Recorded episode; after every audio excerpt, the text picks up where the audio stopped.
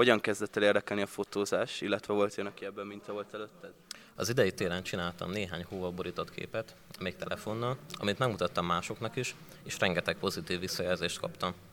Most már nyakamban a fényképezőgéppel, sokat járom a várost, sokat kerékpározok, és útközben próbálom megörökíteni a pillanatot.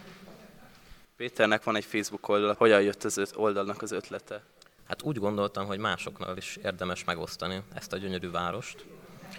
Sétáink közben sokszor észre se vesszük ezeket a részleteket, ezeket az ablakokat, faragásokat, boltéveket, amik mellett csak úgy elsétálunk. És milyen sikereid voltak ezzel az oldal kapcsolatban? Folyamatosan a fejlődésen dolgozok, már több száz aktív követőm van, Instagramon inkább külföldiek, hát és remélem a későbbiekben még többen felfedezik majd az oldalt. És egyébként mennyi ideje posztolsz, követ az oldal valamiféle tematikát? Igyekszem naponta, időfüggvényében mindig friss képeket megosztani. A számok tükrében 221 napra indítottam el az oldalamat, azóta több mint 350 fényképet töltöttem fel. És magadtól tanultál meg mindent, vagy esetleg voltál valami képzésen, vagy gondolok fotós táborra, online képzésekre? Hát egyelőre csak hobbiból csinálom.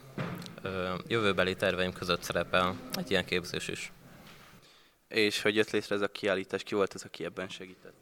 Orbán Júlia, a pedagógusok Soproni Műveledési Házának igazgatója, felfigyelt a fotóimra, és volt olyan kedves, hogy lehetőséget adott a kiállításra. Akik közelebbről ismernek, tudják róla, hogy elég sok mindennel foglalkozol.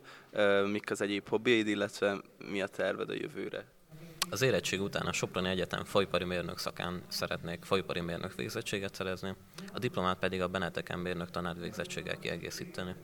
Több pályaválasztásról szóló előadást is tartottam már a környékbeli általános iskolákban. 15 éve táncolok, jelenleg a Sopron táncegyüttesben, hétköznaponként a próbateremben, hétvégén pedig különböző helyszíneken a színpadon.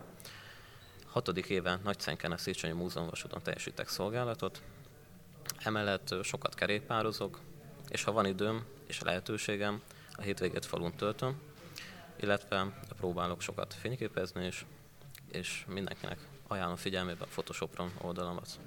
Köszönjük szépen az interjút! Köszönöm a lehetőséget!